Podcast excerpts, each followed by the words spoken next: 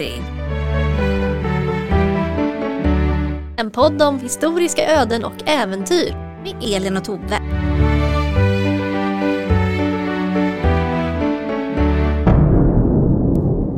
Sorlet av folket nalkades allt närmare och närmare och hörde jag huru de sinsemellan talade och sade Får vi fatt i den kanaljen så ska vi slå ihjäl honom. Var jämte jag såg dem beväpnade med påkar och stavar. Ibland deras sällskap befann sig en hund som mera oroade mig än hela hopen i det att han inte skulle låta mig ha min fristad. Hej och välkomna till Lappri Hej. Det, det, det var inte en dålig inledning. Nu blir jag nyfiken. Ja, vi kommer komma dit vi är. Idag i Lappri så ska vi besöka 1700-talet igen och vi ska besöka frihetstiden igen. Så mitten av 1700-talet och vi ska bekanta oss närmare med uh, periodens kanske mest kända skurk uh, förutom general Peklin. Oh. En, en riktig bad boy. Han hette Jakob Guntlack. Ah. Ibland stavas det med sån där tyskt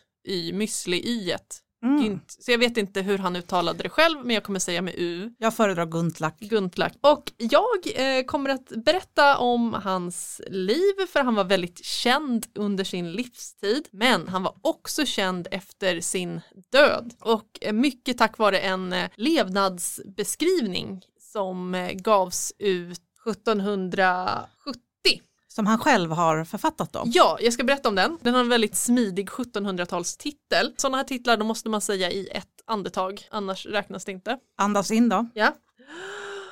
Den i Smedjegårdshäktet nu hängslade bedragaren och tjuven Jakob Guntlacks levernebeskrivning av honom själv författad. Säljande.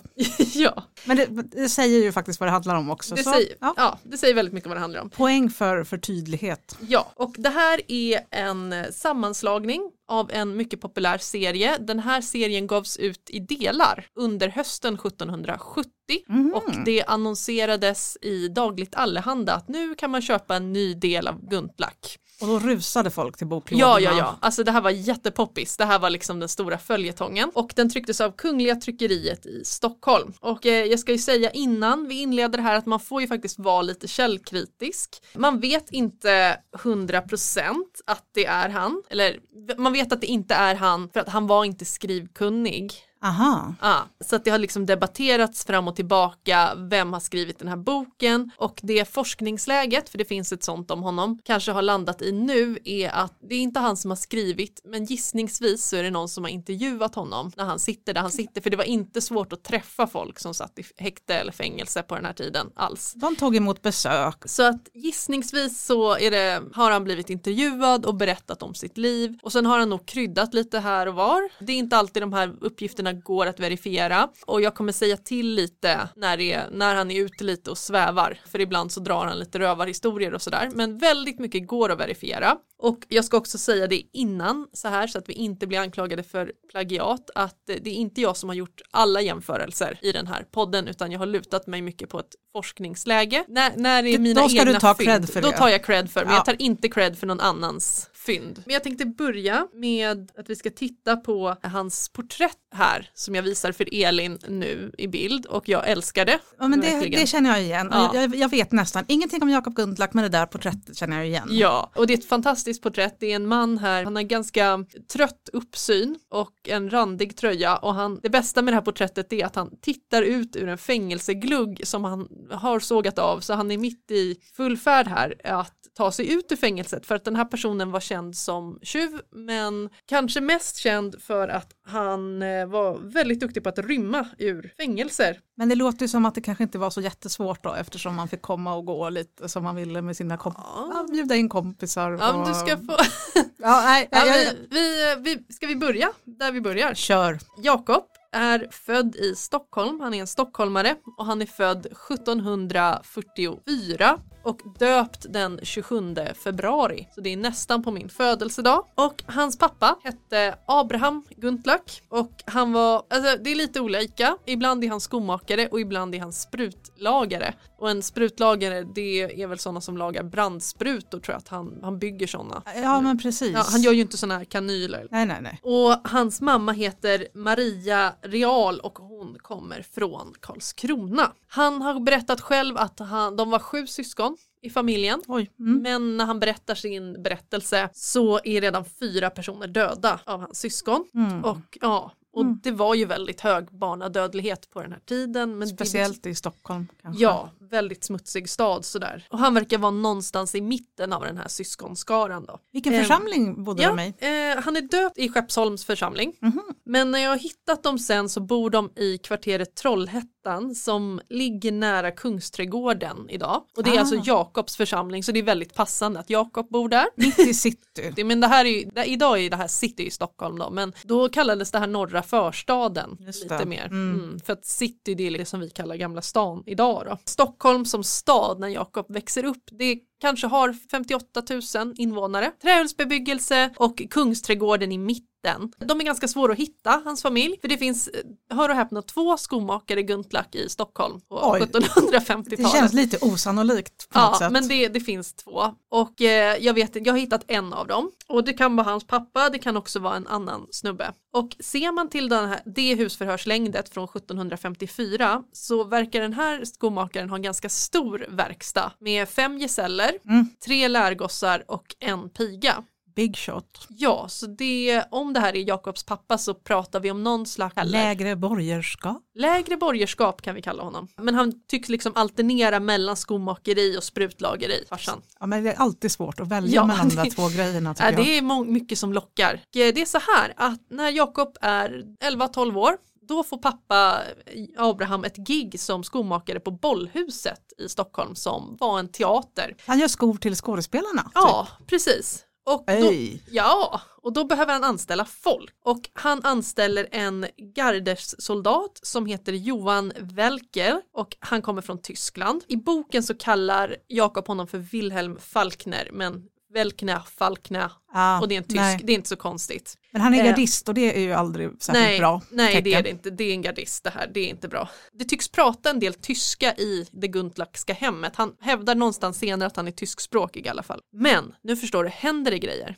Mamma Maria, hon fattar tycke för Velke.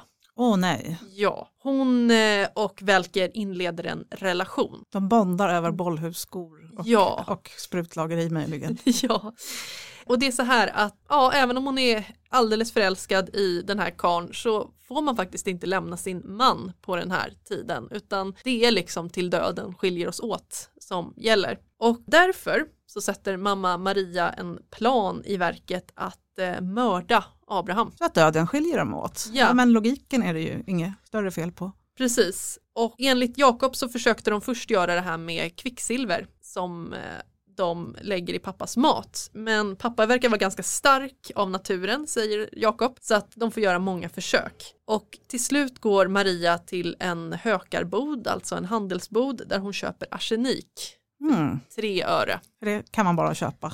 Ja, och hon lägger en stor dos av arseniket i pappas brännvin.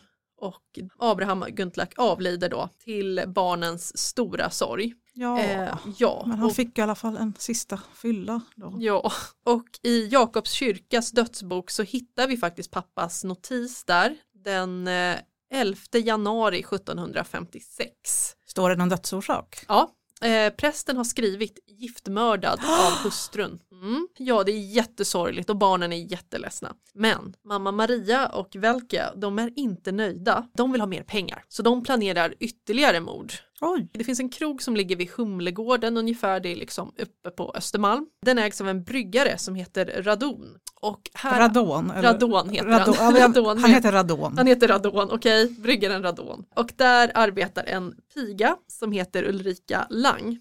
Och Welkner är faktiskt förlovad med henne, så det är hans flickvän. Alltså det här är riktigt trashiga människor vi pratar om. Ja, Ma- Maria eh, och eh, Valker, ja de är Ja. riktigt trash. Ja. Och hon verkar jobba själv på den här krogen.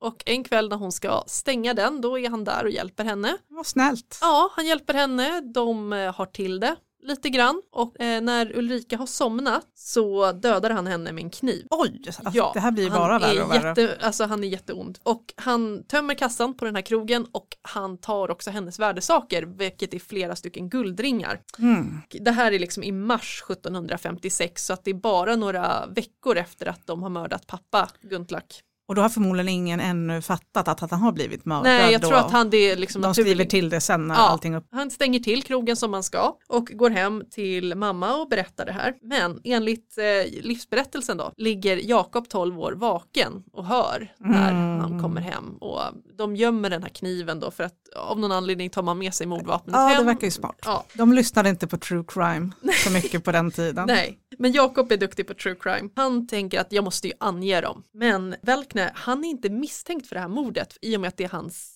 fästmö då, som Nej, är död. precis, nej. Och hade GV levt på den här tiden, då hade, han säger ju alltid ja, du ska titta på partnern först. Ja, men det vet man också om man lyssnar på tillräckligt många true crime podcast. Att Ja. det, är ju all, det är ju alltid maken eller makan. Och Welkner är till och med på begravningen och går främst i ledet och visar mycket stor sorg över att hon är död. Han är total psykopat Han alltså. är helt sjuk. Men, och rättsväsendet verkar inte vara så effektiva för att lösa det här mordet. Så min nya idol, Madame Radon, ja, Bryggarhustrun. bryggarhustrun som är pigans matmor och Ulrikas matmor, hon vill lösa det här mordet. Mm. Och Jakob, lille Jakob går till henne och berättar vad han har hört i sitt hem och vad som har hänt med sin pappa. Att han misstänker att det är någonting med pappa. Och han visar upp den här kniven. Men han säger också till henne att du får inte berätta någonting om vad jag nu har sagt till dig. Ja, men det var väl, ja, Nej, det var inte okej. så smart. Ja. Och eh, det gör ju hon givetvis. Ja. Så mamma och Welkner tas in på förhör och de säger väl att nej, nej, men han, barns fantasi. Så de släpps. Vill Ja. han gå hem sen? Det blir inte kul för Jakob den kvällen kan vi säga. Men Madame Radon, hon är inte nöjd. Så hon börjar göra egna efterforskningar när hon ska lösa det här brottet. Och det här, är liksom, det här är som en film, Madame Radon löser Eh, brott. Jag vill se en, en filmserie om Madame Radon som löser brott i 1700-talets Stockholm. Ja, hon är smart för hon går och kollar olika pantsättare och sådär. För att se om någonting har pantats. Hon är ju en detektiv. Ja, och Welkner har varit och pantat de här guldringarna. För han är själv ganska pantad trots att han är psykopat. Ja. Spara kniven, han, han går och pantsätter ringarna i Stockholm. Ja, Han berättar allt detta för sin medbrottsling när hennes barn hör. ja, mm. Mm. ja men det är tur att, att han är korkad Ja. samtidigt som ond. Ja, hon löser det här eh, och det här lämnar hon ju in då till rätten med alla dessa bevis. Och då bryter han ihop och erkänner. Och mamma hon erkänner nu allting för prästen. Oj oj oj. Och de döms till halshuggning. Ja, Welkner först och mamma är gravid. Så att hon får vänta tills hon har fött det här barnet och sen ah, händer det. mm, vilken lycklig stjärna det här barnet föddes under. Ja, men det är så här att det här är ju väldigt tragiskt allt som har hänt. Men det är många, verkar det vara, och även Jakob själv som tycker att han är ansvarig för att hans mamma dog. För att han hade ju angett sin mamma. Och också att han själv verkar tycka att han är skyldig. Vilket jag vill säga till lille Jakob, nej, det var inte ditt fel, ingenting var ditt fel. Nej, Men han nämner det här flera gånger i sin bok att han känner skuld fortfarande för att det här hände. Och efter att det här har hänt då blir han liksom vatten kring stenen flytande, skriver han. För att han har ingen fast punkt nej. Nej. Och barnen är föräldralösa, ingen släkting vill ta dem. Men då finns det ju en självklar väg ut. Hamnar på barnhemmet. Ja, Stora barnhuset i Ja. Stockholm, hurra! Och barnhuset, det är en plats dit man kunde skicka föräldralösa barn i stan då. Jag tänker att bor man på landet så var det väl ofta rotegång för de här barnen, att då, liksom, de, man roterade dem mellan bönder innan man införde de här äh, väldigt mycket mer humana barnaktionerna på 1800-talet. Ja men precis. Det här är en plats som man skickar små föräldralösa barn, allt från bebisar till cirka 14 år. Eh, De får, det är väldigt tufft på ett barnhus, det är kanske 150 barn intagna på en gång. Tanken här är ju att de ska få någon typ av utbildning, de ska bli omhändertagna, men de måste också jobba för sitt uppehälle helt Ja. enkelt. Så barnen utför arbete. Det är väldigt höga stängsel och det är straff för den som rymmer. Och man kan se att eh, två av hans systrar som heter Brita-Kajsa och Anna-Sofia Gunklack har skrivits in på barnhuset den 20 mars 1756. Så det är strax efter det andra mordet där. Och Jakob själv finns inskriven från ungefär april. Mm. Vi kan också se att Brita-Kajsa, hon dör faktiskt på barnhuset bara några år senare. Hon är bara Ah. 12 år. Och det slutar inte bättre än att Jakob, han vill inte vara på det här stället. Det suger. Eh, Det är någon jobbig informator, alltså en lärare där som ska hålla på och lära honom massor om gudsfruktan. Och han kan inte ta åt sig av Guds ord för att han är orsak till så många människors olycka. Åh, säger. nej. Ja, så att han ruttnar på det här. Det låter ganska sugande ändå tycker jag. Men... Ja, så i september har han rymt och redan i november samma år så kan man se att Jakob har blivit dömd för en stöld. Och Det här är ett värde av 600 daler kopparmynt som lilla herren har plockat på sig. Det låter jättemycket. Ja, jag har kollat upp det i vår favoritbok. Vad kostade det? Vad kostade det?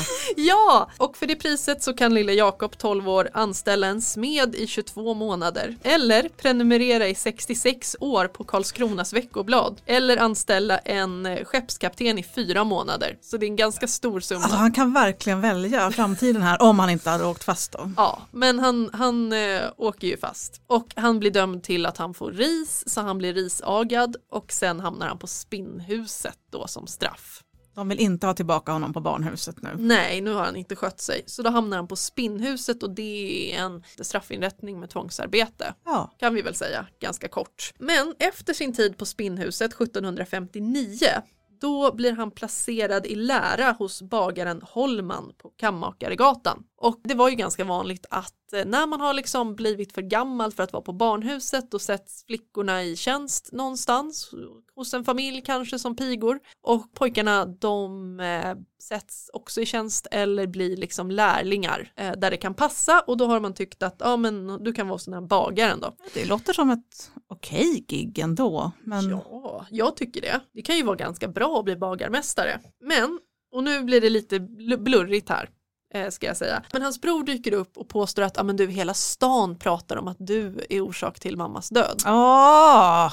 Och därför så måste vi båda flytta till en annan ort. Och ja, fair enough. Så att de rymmer från den här bagaren. Och här är det väldigt blurrigt vad som händer sen. Ja, Ja, Jakob säger att han har blivit tagen i tjänst hos häradshövdingen Johan Biberg som höll till i Ångermanland.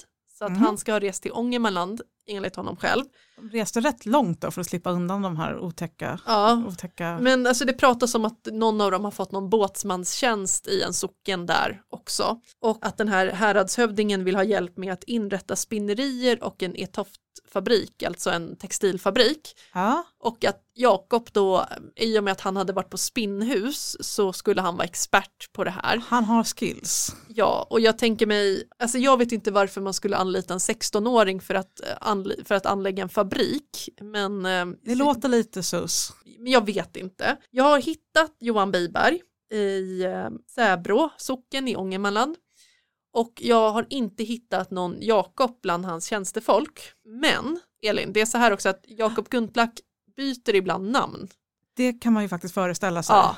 Så att jag vet inte om någon av dem på den här listan faktiskt är han, men det kan också vara att det inte är han. Nej, det är Ehm. inte så jäkla lätt att eh, Nej, verifiera. nej. Inte så, ens om man inte är en känd person. nej, så att vi, vi vet faktiskt inte. Han, efter det så menar han att han har varit i tjänst hos landshövdingen Per Örnsköld som eh, kanske inte är så känd idag, men han har en väldigt eh, känd stad uppkallad efter sig. Örnsköldsvik? Oh ja!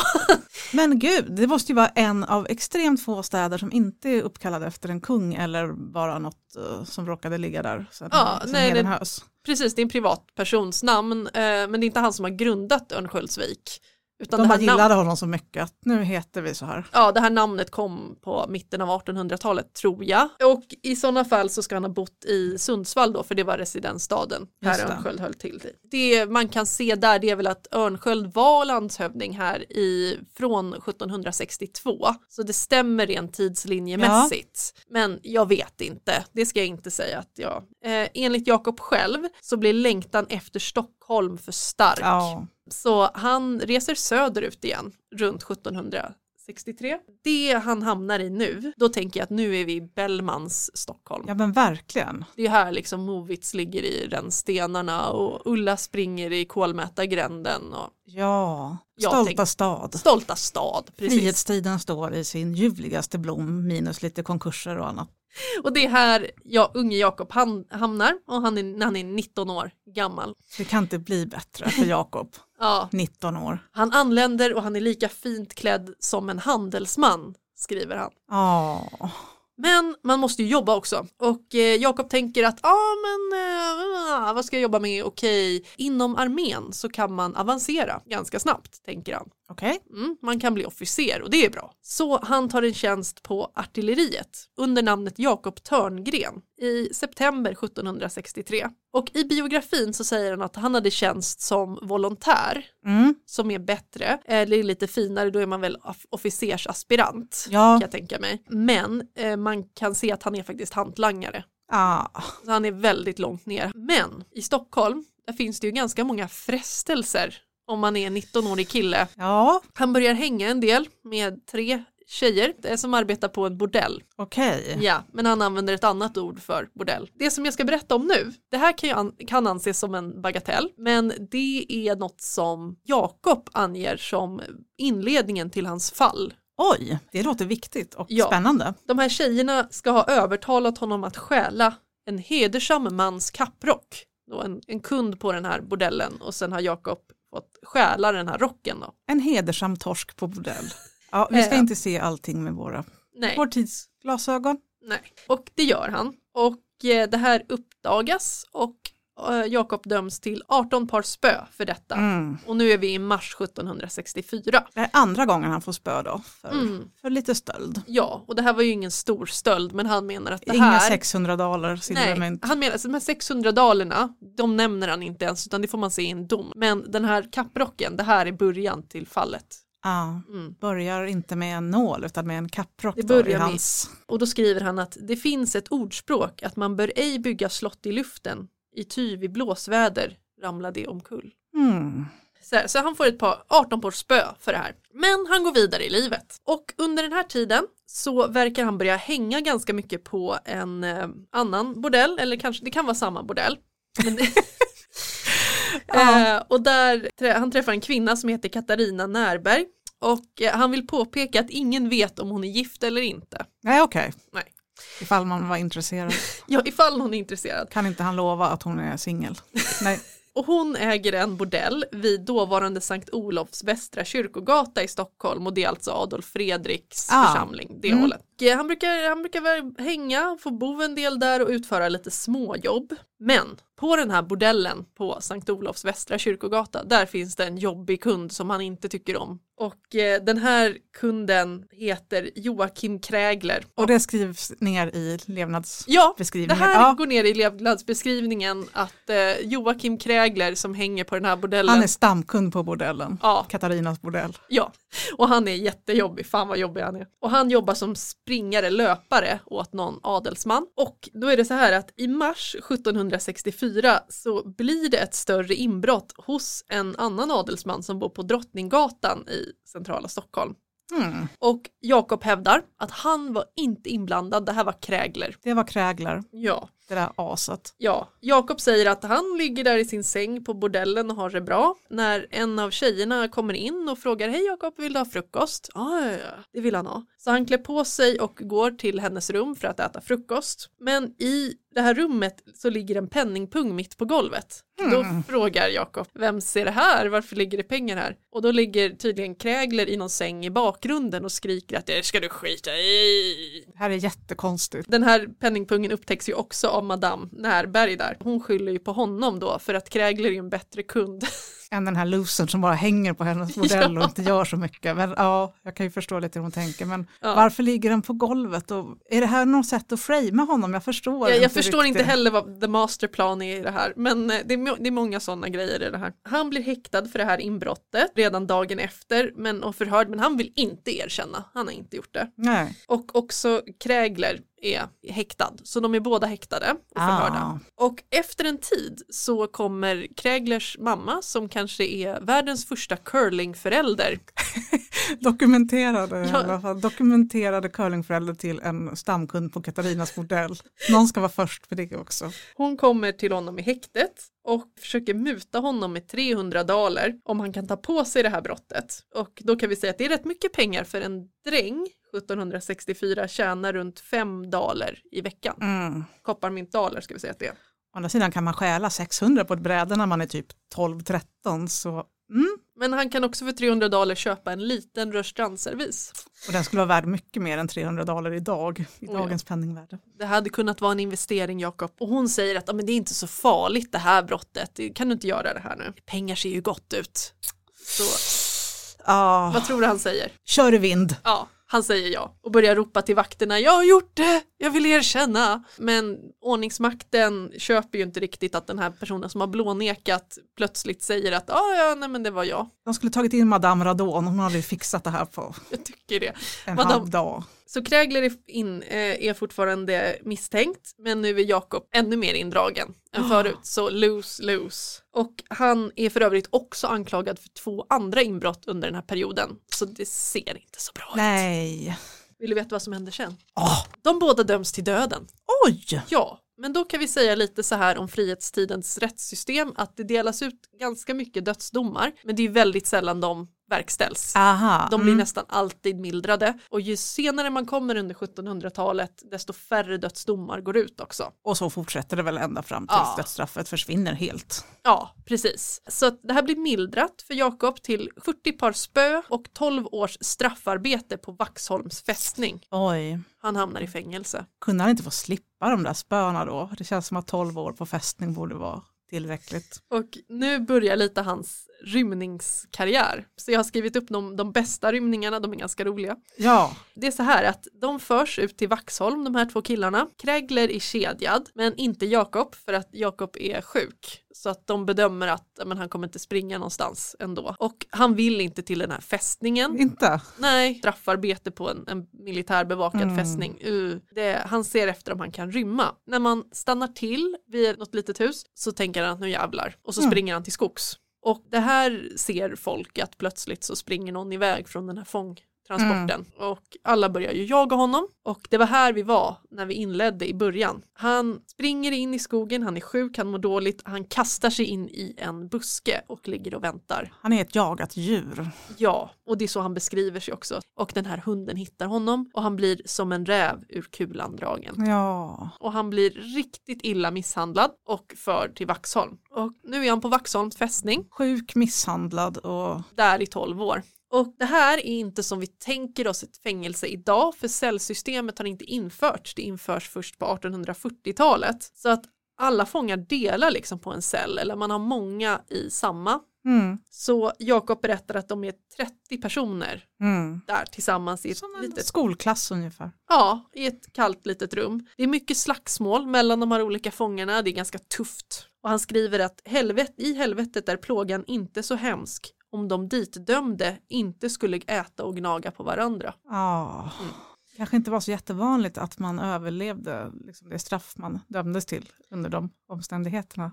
Jag. Jag, jag tror inte 12 års straffarbete i det, Nej, nej. Nej. Men han upptäcker ganska snart att det finns två lag på den här fästningen. Och det första laget som han själv tillhör det är tjuvarna. Mm. Och det andra laget det är eh, tidelagarna. Det är två gäng. Tidelagarna mot tjuvarna. Alltså Ja. jag älskar det. Prison gangs. Och om vi har eh, lyssnare som inte vet vad ordet tidelag betyder, googla inte på det och absolut inte från en arbetsdator. Slå i en uppslagsbok eller fråga en kompis. Det är när man har sex med djur. Och det är så här att de här tidelagarna, det är ganska många bonddrängar och de har en fördel. För att de anses inte lika farliga. Det beror på vad man är, om man är en ko kanske de är väldigt farliga. Mm, nej, nej, precis. Så de får liksom åka ut till olika herrgårdar i närheten och arbeta där som drängar. Äh, Nu har vi så jäkla mycket att göra med potatisskördarna. Så man kan vi ta hit en tidelagare från Vaxholm så vi får så jäkla ordning på det här. Man får en liten peng för varje dag man är på Vaxholm, en liten ersättning som man kan få i fängelse. Och grejen är så här att han är jättebitter för att de här tidelagarna, de får kläder och så av herrgårdsfolket. Så att de behöver inte använda sina pengar till det. Så att de kan ha den här ersättningen de får i lön och de är som kungar mot de andra fångarna. Mm. Ja, så tidelagarna är liksom de tuffa killarna på fästningen. Okej, ja, nej det var inte riktigt vad jag hade tänkt. Men ja, Och Jakob han är ju inte en sån utan han får gå och bära stenar och köra runt på en kärra i ungefär sex månader och han är, har helt ruttnat på det här. Då blir han och ett gäng kommenderade ut att till kommendanten på fästningen som heter Stahl von Holstein. Mm. Han äger en herrgård precis i närheten och där vill han anlägga en tobaksplantage. Så där ska Jakob och Pärls ut och gräva i den här plantagen. okej. Mm, han tycker de är, de är helt dumma i huvudet. Den här, herrgården är ju omgiven av en skog. Ja, Ja, det här är helt sjukt. Så bara att, sticka. så att efter två dagar, då märker han att nej, men jag, jag tar chansen. Jakob springer till skogs. Skulle jag också ha gjort. Heja Jakob. Han vandrar runt och runt och runt och letar efter någon typ av väg, någon typ Mm. av civilisation. Han vandrar i två dagar innan han inser att ja, men den här herrgården, den ligger på en ö. Ah, Det var lite mer genomtänkt än Jakob hade tänkt att det var. han var desperat. Ja. Man, Och det här är Rindö. Rindö ja. Rindö ja. ligger den på. Mm. Och då är han så pass hungrig så att han får gå tillbaka och lämna in sig och säga att hej förlåt, jag är här igen. Får han någon mer extra straff för Jag det tror här? han får, man får straff om man rymmer, man Ja. får lite stryk och sådär. Men ganska snart så får han en ny chans att rymma. Och eh, nu har han tillsammans med Kregler, hans kompis, Ah, de har blivit kompisar Ja, nu, eller kompisar Allt kom- gammalt groll ja men de, häng, de hänger i alla fall. Ja, De, de, får, de har i uppdrag att ro någon båt fram och tillbaka mellan Vaxholm, kajen där och själva fästningen. det verkar jättedumt att ge två fångar en båt. Ja, ehm, så vet du vad de här eh, kommer på att de kan göra med den här båten? Dra någonstans Ja, som inte är fästning. ja så att eh, de här grabbarna stjäl den här båten och ror iväg. För brinnande liv får Ja. man tänka sig. Sent en kväll så sticker de. De går i land på första bästa holme och ligger lite lågt i fem dagar. De har packat med sig mat så de har tänkt på det här. Nu, mm, lite mer förberett den här gången. Och en kväll när det är riktigt, riktigt dimmigt, då ror de förbi fästningen. De blir inte sedda. Oh, wow, Ja, och sen ror de hela vägen till Stockholm. det, det är en bit. Ja, de har starka armar förr i tiden. Och när de är i Stockholm så går Kregler till sin eh, mor. Det står bara, han har bara sagt släktingar men jag gissar på att det är hans eh, Vem annars? mamma. Hon Ja. verkar vara beredd att göra lite vad för, som helst för det här. Den här och han, sorry losen. ja, och han får nya kläder, raggar upp en engelsk sjökapten och åker bort till London. Jakob får inte följa med. Så han sitter där i Stockholm och han behöver kanske försörja sig. Inte så smart att vara i Stockholm kanske. Ja, men vi, det här kommer återkomma men det är bra att du gör den observationen. Ja, Ja, men han, han, har en, han har en dragning till Stockholm som är osund. Han tar tjänst vid Kungliga sjöartilleriet och det här går bra i en månad tills han ska exercera. För där finns en annan soldat som har varit vakt på Vaxholm. Men man får ju nästan skylla sig själv. JG förs tillbaka och det här får han ett riktigt straff för för det här var väldigt olämpligt. Så nu får han inte sitta med de andra fångarna utan nu får han sitta i en mörk vedkällare där det inte kommer in något solljus. alls. Isoleringscell. Han är väldigt illa plågad och han mår väldigt dåligt. Ja. Men det kommer en ny löjtnant till den här fästningen som heter Scheffler och Scheffler han tar faktiskt ut honom där och hjälper honom och liksom, han är lite den schyssta good cop. Ja, och det här är mycket hårt för det är tydligen 27 fångar som dog på Vaxholm det här året. Mm. Till jul samma år, då lyckas han rymma en gång till. Mm. Han skriver inte hur, men det som var intressant med det här var att han var med, tillsammans med en annan fånge som heter Stenberg. Men det är inte August, då åker de till Stockholm och är ute och knallar på Drottninggatan. En av de största gatorna i Stockholm. Ja, och där blir de igenkända. Där det här inbrottet som anklagades för dessutom ägde rum. Ja, Mm. Ja. Mm. Så att eh, han åker tillbaks till Vaxholm. Men ungefär tre månader senare, nu är vi på rymning fyra, då är det han och några andra fångar som ska under bevakning resa och med en lite större båt och hämta sand till fästningen. Mm. Men då är det någon vakt med i alla fall. Ja, de har en bevaknings... de har lärt sig nu att man ska inte ge fångarna en båt. De har en bevakningskar som har varit sjöman och han verkar inte heller vilja vara kvar där. Mm. Så han säger till de här grabbarna att ja men jag har varit sjöman och vi kan segla till Gotland. Ah, En Gotlandsresa? Ja, de ska åka till Gotland Ja. eh, med den här lilla båten som inte har någon proviant. Så grabbarna chansar här. De seglar ut på havet, de tar båten, Ja. Grand Theft Boat. Det här skulle kunna bli ett intressant spel. Faktiskt. De seglar ut på havet, men det blir någon slags storm. Mm. Och de här killarna lyckas ta sig i land på en holme med sin lilla båt. Så de är fortfarande i skärgården? De är fortfarande ja. i skärgården, de är inne i skärgården till och Inte med. på öppet hav? Nej, nej, nej. Alltid Ja, nej, men det, då hade de inte klarat sig. Eh, De tar sig i land på en holme och gör upp en liten eld för att vänta på bättre väder. Men det är inte bättre än så att på den här holmen så bor en kvinna i ett torp och hon Mm. tycker att det är jätteobehagligt att det dyker upp massa okända män plötsligt där. Helt förståeligt. Ja. Ja. så hon sticker över till herrgården Riddersholm som ligger på Rådmansö i närheten Mm. för att få hjälp. Så jag vet inte hur stark den här stormen är eftersom att de här killarna blev strandade av den men en ensam kvinna kan roa över själv. Så att, men hon är ju Intressant. skärgårds, hon är, hon är nog skärgårdsbo då. Så. Hon är van. Ja, och eh, de förs till den här herrgården där man kallar på länsman då och där har de en plan så de säger att de är salpeterdrängar som är, ska ha blivit strandade. Men länsmannen köper inte riktigt det här och tycker att de ska föras till Stockholm. För att det här är ju någonting också som vi kan ta upp och det är det här med respass. På 1700-talet så får du inte resa och ta dig hur du vill, när du vill, utan det är ganska hård kontroll på befolkningen. Och det kan låta väldigt främmande för många idag, men det var så här och det är fram till 1860-talet så är det ungefär så här. Det krävs ett pass för att kunna resa, inte bara att du ska resa mellan länder, men alltså också om du ska resa inrikes. Och i det här passet så måste det framgå vem du är och i vilket ärende och när och hur du ska resa. Och de ska vara stämplade med sigill. På den här tiden så är det färdiga formulär som man fyller i dem. Ja, och det gör att om folk är ute och reser och inte har ett sånt här papper med sig, då finns det anledning att misstänka att det här är någon som inte ska vara här. Exakt. Och när de förs till Stockholm så blir de faktiskt igenkända igen. Mm, surprise. Vill du höra om en till rymning? Ja! Jag skulle kunna sitta och lyssna på rymningar hela Jacobs dagen. rymningar.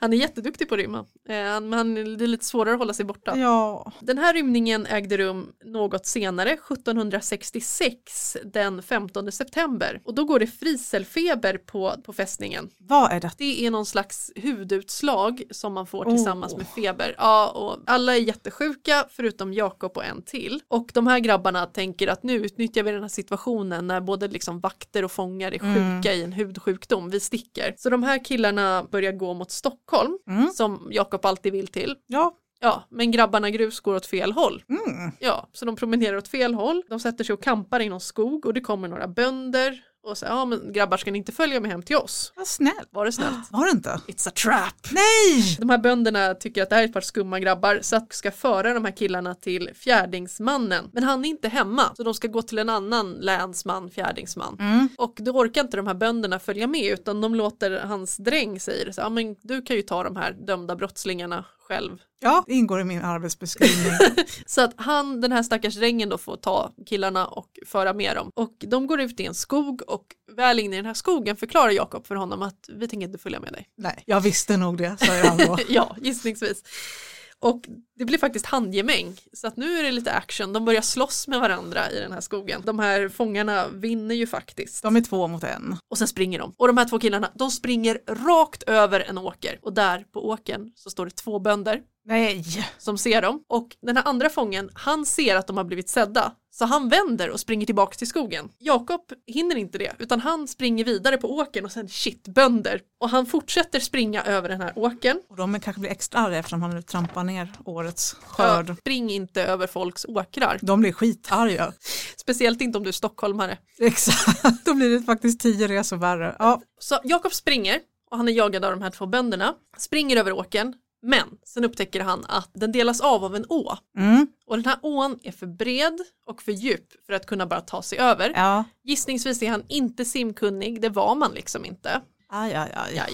Så vad ska han göra? Han vänder sig om, han kan tydligen se prästgården rakt över åkern. Och på backen till prästgården så börjar liksom en angry mob samlas för Oj. de har hört att det är några skummisar ute här som har spöat på drängarna. Och det har inte hänt så här mycket i den här lilla hålan sedan eh, liksom, ryssarna var där och brände 1719 så det här är stora grejer. Och han står där vid vattnet. Han hittar en gran som har fallit över ån. Åh, Ja, lite tur. ja. Och hoppar och lyckas med hjälp av den ta sig över. Han är helt genomvåt och han springer mot skogen och då genar han genom en rågåker. Och rågen är så hög så att den är högre än, än folk. Så han tänker att här är bra ställe. Han noterar att både män och kvinnor jagar mig med Mm. tillhyggen och grejer. Ser jag lite framför mig. Om det här hade varit en film så hade det pausats här och sen hade det kommit en röst som säger så här hej nu kanske ni undrar hur jag hamnar i den här tokiga situationen. Exakt. Det här är jag. Och han springer och gömmer sig bland några enbuskar och några tallar och det här folket kommer och han hör att någon av dem säger när vi får tag på den här kanaljen då ska han aldrig glömma oss. Och de springer faktiskt förbi honom den här gången. Han klär, krälar sig ut på den här åken och ligger där till ungefär klockan två på natten. Ja. Och då har det lugnat ner sig i byn och han börjar gå mot Stockholm. Kommer han till Stockholm? Vill du veta vad som händer sen? ja, det vill jag. Och han går hem till sin kompis, instrumentmakaren Malmberg. Och Stackars Malmberg nästan. Ja men Malmberg har också, han, de har träffats i häktet. Han är lite skum. Han är också skum. Ja. Ja. Jakob hänger bara, alltså om, om Jakob hänger med någon ska vi utgå från att de är skumma. Okej, ja. ja. jag fattar. Och Malmberg föreslår att men det är inget bra att du sitter i Stockholm, det är bättre om du går ombord på ett utländskt fartyg. Och då behövs det ju pengar till detta. Men Malmberg han tipsar om att agenten Sel har ett kontor som ligger på Stortorget och där är det svinlätt att göra inbrott, det gör han hela tiden. Eh, så de här grabbarna hämtar en dyrk och sen så går de för att göra inbrott. Och Malmberg han står i en gränd och pekar åt Jakob att där ska du gå in. Och Jakob går in, han gör som han blir tillsagd, det är en trappa upp och dörren är öppen och där tittar han en 300 daler sedel. Jakob springer ut och visar ah, pengar, pengar, pengar. Men Malmberg är inte nöjd. Det här är ju fan, fick du inte tag på mer? Okej, ja. Ja, så Jakob får vänta i gränden och Malmberg går upp shows them what's what. Sen så går de förbi någon, någon fru som Malmberg känner och stjäl ett silverföremål. Och Jakob hittar en skeppare som lovar att ah, men jag, jag släpper av dig i Helsingör. Mm. Kom tillbaka hit i eftermiddag. Men då tänker Jakob att eh, ja, om några timmar så lämnar jag landet. Så då är det viktigt att ha en schysst hatt. Ja, Så Jakob knallar ner till Västerlånggatan som också är en av de större gatorna i Stockholm. ja. Mm. Där hattstofferaren Klarin har en bod. Jakob rycker upp dörren till Klarins bod och i boden så står löjtnant Scheffel från Vaxholm. ja. Alltså, ja, det är ju otur att se det. Alltså riktig jävla otur.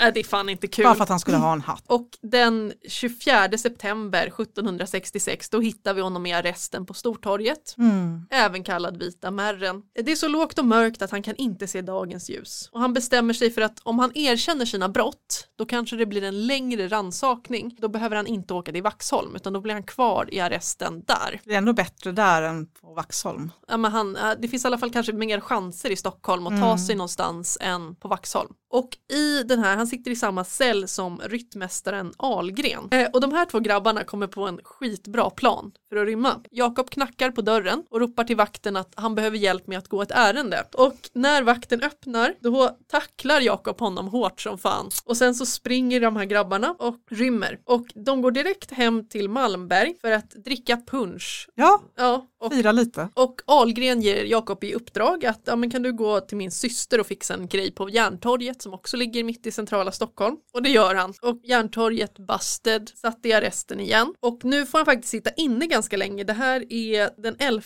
november 1766. Mm. Och han får sitta inne till mars 1767 för det är ganska mycket de ska ransaka honom för. Och då så sitter han och Malmberg i eh, samma rum. För av någon anledning får de här killarna sitta tillsammans. Ja, Nu, och nu kommer vi till en ganska spektakulär prison break. I det här rummet så finns det en väldigt stor kakelugn. Oh, En vad mysigt. kakelugn. Ja, och den är så stor så att man kan liksom sitta inuti kakelugnen. Oj, ja. Och av någon anledning så brukar han sitta inuti kakelugnen, alltså antagligen när det inte eldas i den då. Och när han sitter i den där, då märker han att taket mellan kakelugnen och golvet och i rummet ovanför, det är väldigt tunt. Så han plockar loss ett järn från kakelugnen och börjar hacka hål i taket. Åh, Men natten till den 6 mars 1767 så har han gjort ett ganska stort hål. De bryter upp golvet och krälar upp och i rummet ovanför så är det ett slags kontor. Det är nämligen Hallrättens stämpelrum. det här är helt fantastiskt.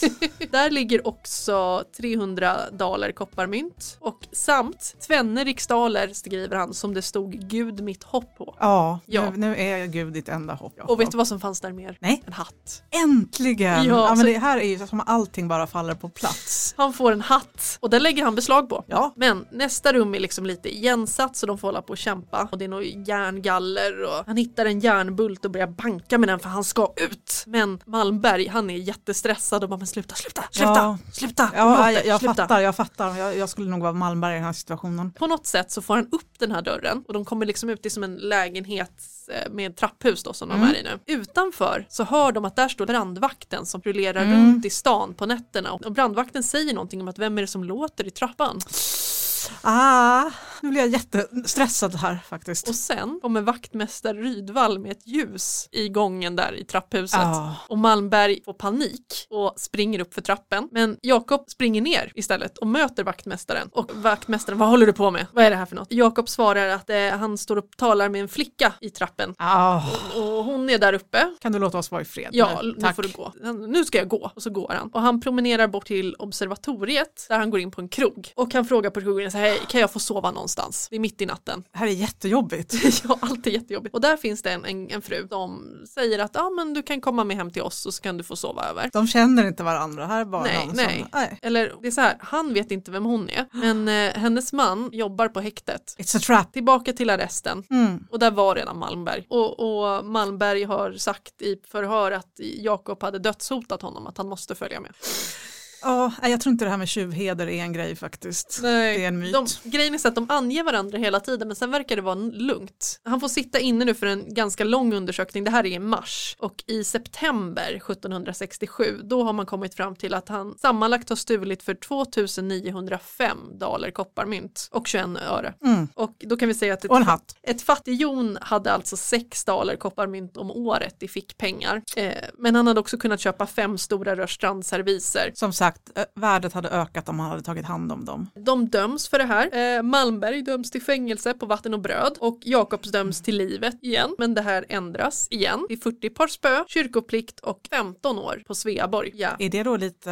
i Finland. Ja, Mm. precis, men är det, är det ett hårdare straff eller, eller tänker de bara att vi ska inte ha honom så nära Stockholm? Det, Det känns det nog- funkar ju inte. Det känns nog både det och sen tror jag att Sveaborg är lite mer high security prison också. Mm. Men jag vet inte. Så att nu är han på väg till Finland och nu vill jag varna för att den här tiden i Finland är inte lika lätt att kontrollera uppgifterna alls. Nej, just det. Och det har inte varit lätt för mig och det har inte varit lätt för folk som hållit på med det här innan. Eh, så jag tar med det som liksom känns troligt. Och de skeppas iväg, eller han och ett, liksom ett flera fångar. Och de kommer till Hövsala socken i Finland strax före jul. Och han är där med två fångar som berättar vilka de är och vad de är och frågar honom. Men han är smart, han säger inte vad han heter. Nej. Länsman har ordnat respass åt alla de här fångarna och då ska de tydligen få skjuts av en någon postbonde då som är lite ansvarig för att köra ut grejer. Mm. Och den här finska postbonden han är jättearg och vill inte köra tre brottslingar. Ja, okej. Nej, så han tar deras pass och kistor och kastar ut genom dörren och ber dem att dra åt fanders. Oj, Och Jakob tar ju chansen. Så att Jakob Ja. ja. Jakob Ja. tar sitt pass och sticker, hej då. Eh, de andra två tycks bli kvar. men jag kan tänka mig att det här passet måste ändå stått det här är en dömd brottsling, låt honom inte gå som han vill, antar jag. Du är smart, vi kommer till det. Okej. Han trampar lite i någon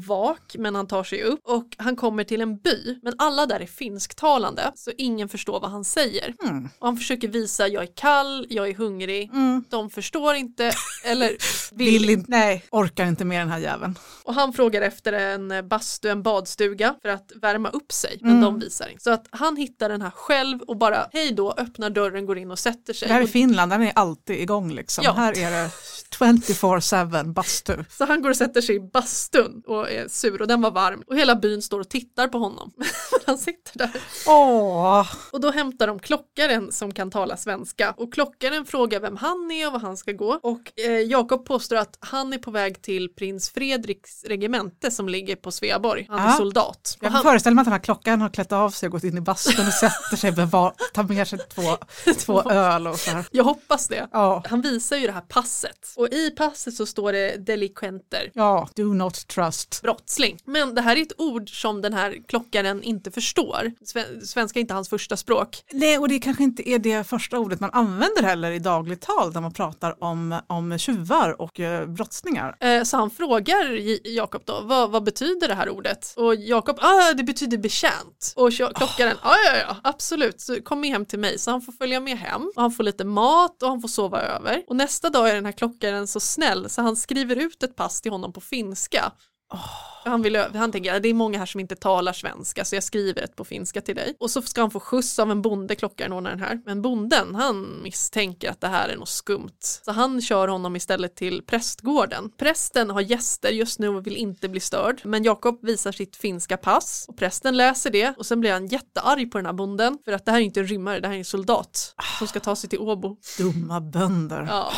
Jag har ju gäster. Och ungefär här så byter Jakob namn igen och börjar kalla sig för Anders Falk. Och han säger att han kommer från Härnösand, så nu är han Anders Falk. På vägen mot Helsingfors så träffar han två soldater från Björneborgs regemente. De gör inbrott i någon slags bondby. Eh, det är inte så jätteviktigt, de blir ertappade och får stryk för det här.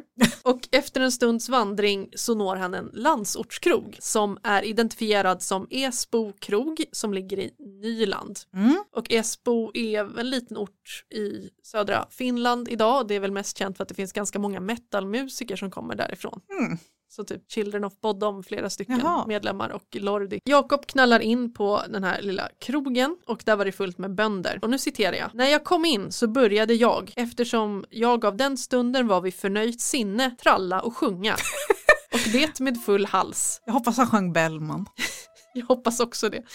Bönderna svarade med, med att ge mig både brännvin och dricka varpå jag blev än modigare. Han, han var bra på, på att sjunga och tralla. Ja, han, han super till här inne. Äntligen blev det lite musik på det här stället. Men när han har det som bäst och sjunger och trallar och spexar för de här bönderna, Ja. då kommer in en gubbe klädd i blått med en röd mössa. Alla bönderna tar av sig hatten när den här gubben kommer in. Men Jakob tänker att det här är någon fogde, jag behöver inte visa honom bönighet. Ja, Jakob. Så Jakob festar vidare och den här gubben han blir kränkt Ja, och frågar vad är du för en som gör ett sånt oväsende och lever så oregerligt?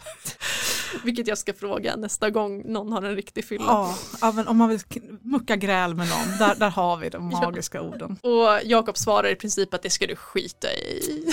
Jakob. Och den här gubben visar sig då vara landshövding. Och, och jag har identifierat den här gubben. Hans Henrik Boye heter han. Och han kan svenska. Ja, och han är skitarg. Så att han och Jakob, men han var ju så illa klädd, jag, jag vet att han var landshövding. så att han ordnar så att Jakob får en ordentlig prygel på den här krogen och sen ska han ut. Vi löser det här här och nu. Ja, och efter det här så är det en ganska lång parentes för att det här har inte gått att förklara. Han säger att han har varit i tjänst på Sveaborg. Han säger också att han har hamnat i Livland och där är det någon slags actionhistoria där han slåss med en kock i en båt och det skjuts hit och dit. Mm. Ja, men inget av det här går riktigt att verifiera. Nej. Men när han dyker upp igen så är det i eh, en häradsrätten i Sjunde Åsocken där Reuterholm kommer ifrån Ah, den 18 juni 1768 och då beslutas det att den här snubben är jätteskum och han ska föras till Helsingfors till fängelset. Men där finns de här två fångarna som han delade transport med. Mm. Så de vet vem han är och tagit reda på vem han är. Och därför beslutar Åbo hovrätt att han ska tillbaka till Stockholm. Och det blir den 8 i första 1769. men nu var det ett tag sedan han var där så han kanske nästan är lite, Ja, lite glad, lite nöjd. Ja, och tar, när han är på Åland så rymmer han igen. Han är tillbaka i Stockholm. Han går hem till sin kompis Arnold Mörk som tidigare han har varit häktad med också så han känner honom. Han tycker inte Jakob ska vara kvar i stan. Han tycker du ska härifrån. Ja, Men han bor i alla fall tre veckor hemma hos Arnold. Och sen, Arnold är ganska gästfri. Arnold, Arnold och Arnolds fru. Och Arnold han eh, ställer upp, du, du ska få, ja men vi, vi, vi fixar pengar. Så de går till Riddarholmen eh, som är ett område med väldigt stora palats. Det var sin tids Östermalm, där bor alla Ja. ri, jätterika adelsmän. Och där bor general baron Stackelberg. Och baron Stackelberg som en trivia är också en av Kajsa Wargs många anställda. Ja, Mm. Han är inte hemma, han är på landet. Jakob, Arnold och en till snubbe tar sig dit under en en sen natt i april och jag tänker mig att de går liksom från Gamla stan över bron. Jag tänker mig, det är lite Jönssonligan. Jakob går liksom först, så går de på rad och så kommer Ja. Arnold bakom och så kommer någon med en lå- låda med något tillhyggen. Arnold tänder ett ljus och de bryter upp massa lådor med kniv och där får de tag på 40 plåtar penningar. Jakob säger att det här är vad jag tog, jag tog bara de här pengarna och sen gick jag därifrån. Så att de hittade massa andra grejer men jag var inte där då. Nej. Han vet inte vad de andra stal, säger han. Och de går hem till Arnold och hans fru och delar upp allting och han säger jag fick 79 dollar kopparmynt av den här stölden. Men det vi kan se i dom, eh, olika domslut här är att eh, inbrott hos Stackelberg, hela stölden är alltså 40 dollar kopparmynt, ett stycke grönt dammast, 19 alnar, en slev av guld, 40 stycken i en silverpung förvarade spelraketter, tre fruntimmersurkedjor av stål, förgylld silverskål med lock, en annan silverskål utan lock, en knivsax, ljussax, ljussaxfot, handdosa, bläckhorn, liten klocka, bägare, gaffel, stor penning, alltsammans av silver. Ja, men det var lite, Ja. lite bricka-brack här. Sen sticker de här grabbarna till Norrköping för att inte bli igenkända i Stockholm. Äntligen är det någonting som, Ja, en, en lärdom som, som sitter. Och i Norrköping är det rätt smidigt för att där är det riksdag. Riksdagen i Norrköping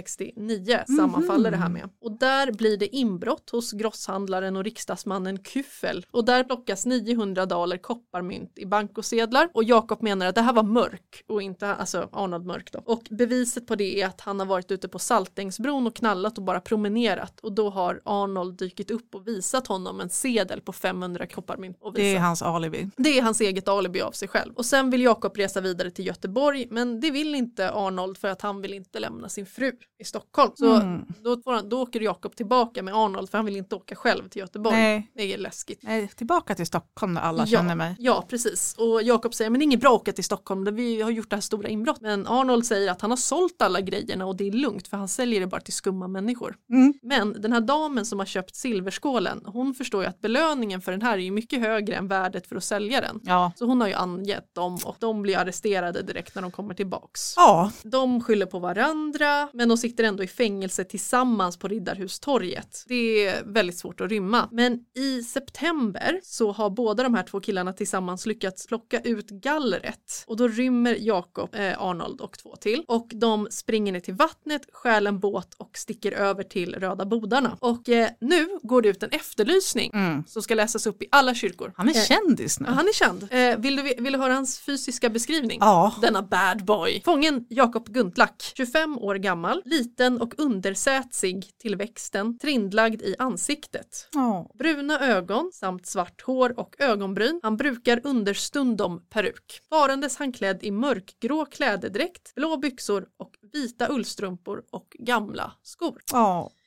Eh, och han torskar ju på den här beskrivningen efter en dag. Så han åker in i september där 1769 och Arnold som en trivia håller sig undan ända till juli nästa år när han själv anmäler sig till rätten men förklädd till kvinna. Så jag, ja, så han har hållit sig i Stockholm den här tiden. Han har hållit sig i Stockholm klädd i drag. Ja, men han orkade inte. Nej, det, det räckte, det var för mycket. Alltså kvinnokläder är mer besvärliga än, än manskläder. Han- Jag- han jag- fick- han han fick knäcktes. Jakobs, det fin- han berättar att han har gjort en rymning till efter den här men den är inte bekräftad i någon Jag skulle inte bli förvånad om det var så, men Ja. om vi inte har någon Vill- annan källa än han så får vi Ja, se det som. du... Ja, men jag hinner faktiskt dra den om du vill höra den. Jag vill höra. Och då har han, berättar han att de har på något sätt grävt ut golvet där de har någon brits som ligger, Mm. han och två till. Och det är ganska hög kontroll skriver han på dem, att det är mycket inspektion och sådär för att han anses väl vara lite high security prisoner. Så att det är ganska mycket inspektioner men de kommer aldrig på dem för de, grejen är att han är ju kedjad då med någon stor fotboja. Mhm. Men de andra killarna är inte det. Och de har lovat att om du hjälper oss ut så ska vi hjälpa dig att bli av med den där. Tror du att det händer? Jag tror att han hjälper dem ut och Han- sen tror jag att de drar så långt vägen räcker. Ja, du är ett orakel. Mm. Ja, det är precis det som händer. Så det slutar med att de här två killarna sticker och Jakob står själv nere på Skeppsbron i Stockholm med sin fotboja. Åh nej. Då ser folk som går där, för det är väldigt trafik vältrafikerat, att där går det runt en snubbe med fotboja och det är liksom inte en liten elektronisk sak utan det är som ni tänker det är en sån här gammal Tom och Jerry-film. Ja. Det är det han släpar på. ja. Så det är det han berättar om sin sista rymning som inte är bekräftad. Och den här biografin slutar då med att han sitter i fängelset och på de sista sidorna så reflekterar han över sitt liv och att han har varit väldigt kriminell skriver han. Han är bara 26 år och han skriver att han också i protokoll och av domare har utmålats för att ha varit ledare för olika brott och liksom instigerat dem. Men han säger att han har ofta varit en i ett gäng men att han blir alltid den som blir utpekad. Kanske för att han är känd. Nej, men jag skulle kunna köpa det. Ja, ja men absolut, ha han är med. Mm. Och han har aldrig haft någon medgång och han har alltid haft det väldigt svårt. Ja. Och han vill också varna andra som är lite på glid med rättvisan att låt det inte gå så här långt, bli inte som honom. Mm. Och det är så han vill avsluta, han vill att det här är ett varnande exempel, Ja. bli inte som mig, jag har inte haft det bra. Och, och de här delarna i den här följetongen de publicerades från oktober och sista delen kom ut i 26 november 1770 så man kunde liksom följa det nästan Mm. en gång i veckan och läsa, åh nästa Guntlach-avsnitt, när kommer det? Ja, och det, ja, jag kan tänka mig att man satt vid frukostbordet eller middagsbordet och diskuterade det senaste Guntlach-avsnittet. Jag tror faktiskt det också, jag tror att det här var sin tids följetong. Och det kommer en dom ungefär då, men det slutgiltiga utslaget från hovrätten kommer den 1 december 1770 och eh, tror jag i alla fall, det är väldigt många olika datum, men jag tror att det kommer då, så att det är bara någon vecka efter att han har fått sista delen publicerad. Mm. Och där skriver man att han har blivit i vanarten inövad, att föga eller alls ingen förhoppning är om hans bättring. Så han blir dömd till döden igen, men nu utan någon typ av nåde. Nu Han sitter sitter där han sitter. Han skickar in en nådeansökan i eh, mitten av december och han vänder sig till kungen, till Adolf Fredrik. Ja, Ja, och lyfter att det bästa är inte att en syndare dör, men att han omvänder sig. mm, håller med. Ja, men det avslås. Det blir nej. Ja, kungen är inte där så det är några riksrådsmedlemmar som gör det här. Alltså hade Adolf Fredrik varit där, han hade blivit rörd till tårar. Ja, han, han hade har- adopterat den här gossen och sett Ja. till att det hade gått bra. Ja. Så vill jag tro. I alla Jag fall, vill också hade tro blivit. på det här Elin. Han satt säkert själv och läste Guntlachs levnadsbeskrivning. Jag blev jättebesviken att han missade just det här rådslaget. Nu är det som det är. Han ska hängas. Men då händer det någonting. Det kommer ut en del till och den här heter Guntlachs kärlekshändelser. Kärlekshändelser! Ja, och den här kärlekshändelsen kommer ut den 24, sen kommer ut på julafton 1770, en riktig julklapp till alla. ja. Och den första, och det måste jag läsa i ett andetag. Kapitel 1 berättar Guntlach att han fått sin dödsdom, omtalar därnäst vad han i sin förra berättelse förglömt och i yngre åren med honom sig tilldragit. Så att det här är liksom, åh, allt som ni vill veta extra om Guntlach, det kommer nu. Det som och han inte hann med liksom. Precis. Och då blir det lite spicy. kärlekshändelser, precis. Och man kan tro att det här är erotik, eh, men det är inte så mycket erotik, utan det är mer en samling berättelser om olika kvinnoerövringar då som Jakob ska ha gjort på olika platser och långa utläggningar om vilka preferenser han har för fruntimmers utseenden. Mm. Det enda som var lite intressant för jag läste den, because of course I did, är att det finns olika skildringar av bordellliv, sådär, men ingenting man inte kan förvänta sig. Jag kan understryka också att berättarstilen är helt annorlunda än de andra Ja. delarna. Så vi ska inte tro kanske Så på här, att det här är Guntlachs eget. Tre dagar senare så kommer det in en upprörd insändare i Dagligt Allehanda och där står det att undertecknad har med yttersta bedrövelse här i mitt beredelserum fått höra att ett bihang till mitt förr utkomna levnadsförlopp blivit tryckt under namn av kärlekshändelser. Citat. Jag förklarar därför att härmed att jag i sådant arbete ehuru utgivet i mitt namn ej haft någon del. Ja men det är ju besked. Ja, och Han vill inte ha med det här slasket att göra. Nej, och han säger att här sitter han i sin svåra syndasömn och han anhåller om djup ödmjukelse och att hoppas att ingen må misstänka mig att ha sammansatt en sån berättelse. Och eh, om någon har blivit förargad av innehållet så ber han om förlåtelse. Men det ska ju inte ditt fel Ja. att någon sitter här och, och jantar ihop. Ja, vi tror på dig Jakob, du skrev inte din egen fanfic. Nej. Nej. Men någon gjorde, vilket är ganska intressant. Kan Nå- det vara Sveriges första eller världens första dokumenterade fanfic? Det kan vara. Vi säger det. Ja, kan det ha varit mörk? Det kan det ha varit. Någon, det är kanske någon som känner honom för det, det sammanfaller ju väldigt väl med, men det kan ju också vara någon som har läst de här andra delarna. Och Och bara, blev så jäkla in. Ja men det är ju så det är. Någon eh, 16-17-åring som blir totalt besatt här och eh, måste ha mer. Då Ja, får man och skriva det själv. Ja, och någon ska tjäna pengar på det här också. Att ja, men nu har alla delarna kommit ut. Ja, men jag kan med lite erotik också här. Och Jag är sen, tjuv och, in, och gör inbrott men jag är för 17 ingen är, kvinnoerövrare. sen kommer ju faktiskt slutet Mm. här också. För att hur vi än vill skriva vår egen fanfic att någon kom och räddade honom så tar han sig inte ut ur fängelset fler gånger utan han ska till galgbacken och dagen kommer för avrättningen och det är den 16 januari 1771.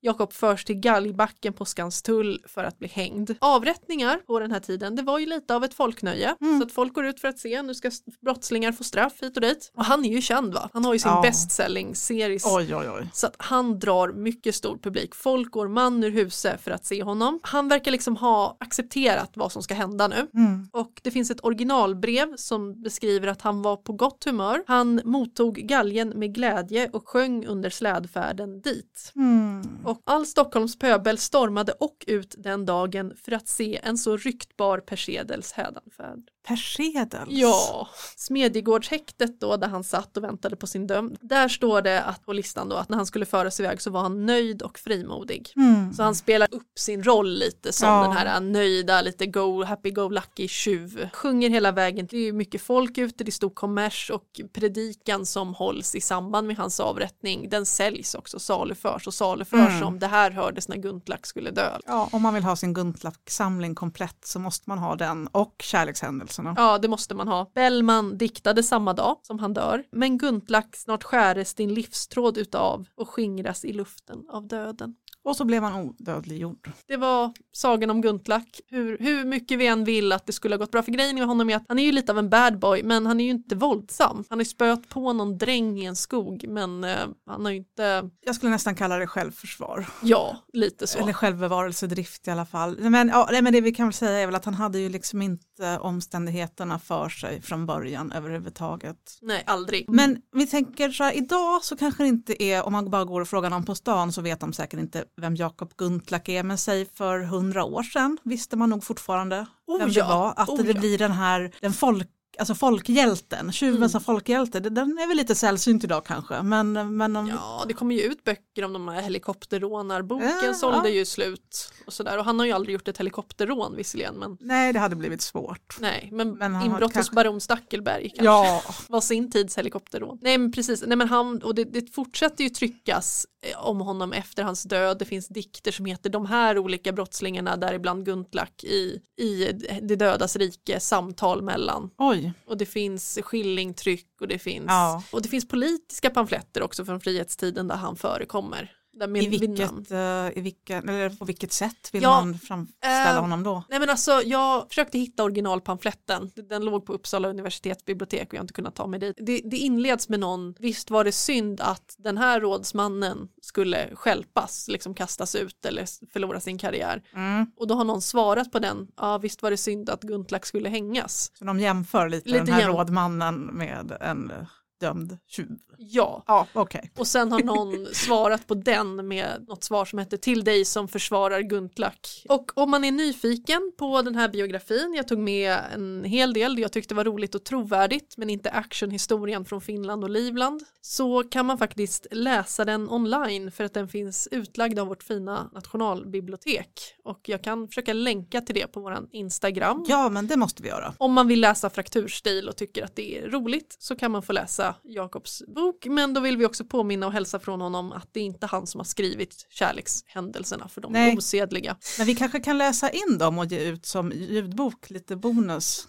Kärlekshändelserna. Ja. Ja, kanske det. ja om tillräckligt många hör av sig och är intresserade så gör vi det. Det var väl det för det här avsnittet av Lappri. Det var ju väldigt roligt, lite ledsamt på slutet. Ja, Vi kanske kör något lite gladare nästa gång vi ses. Det tycker jag att vi gör. Kanske någon där vi uppskattar någonting Ja. väldigt mycket.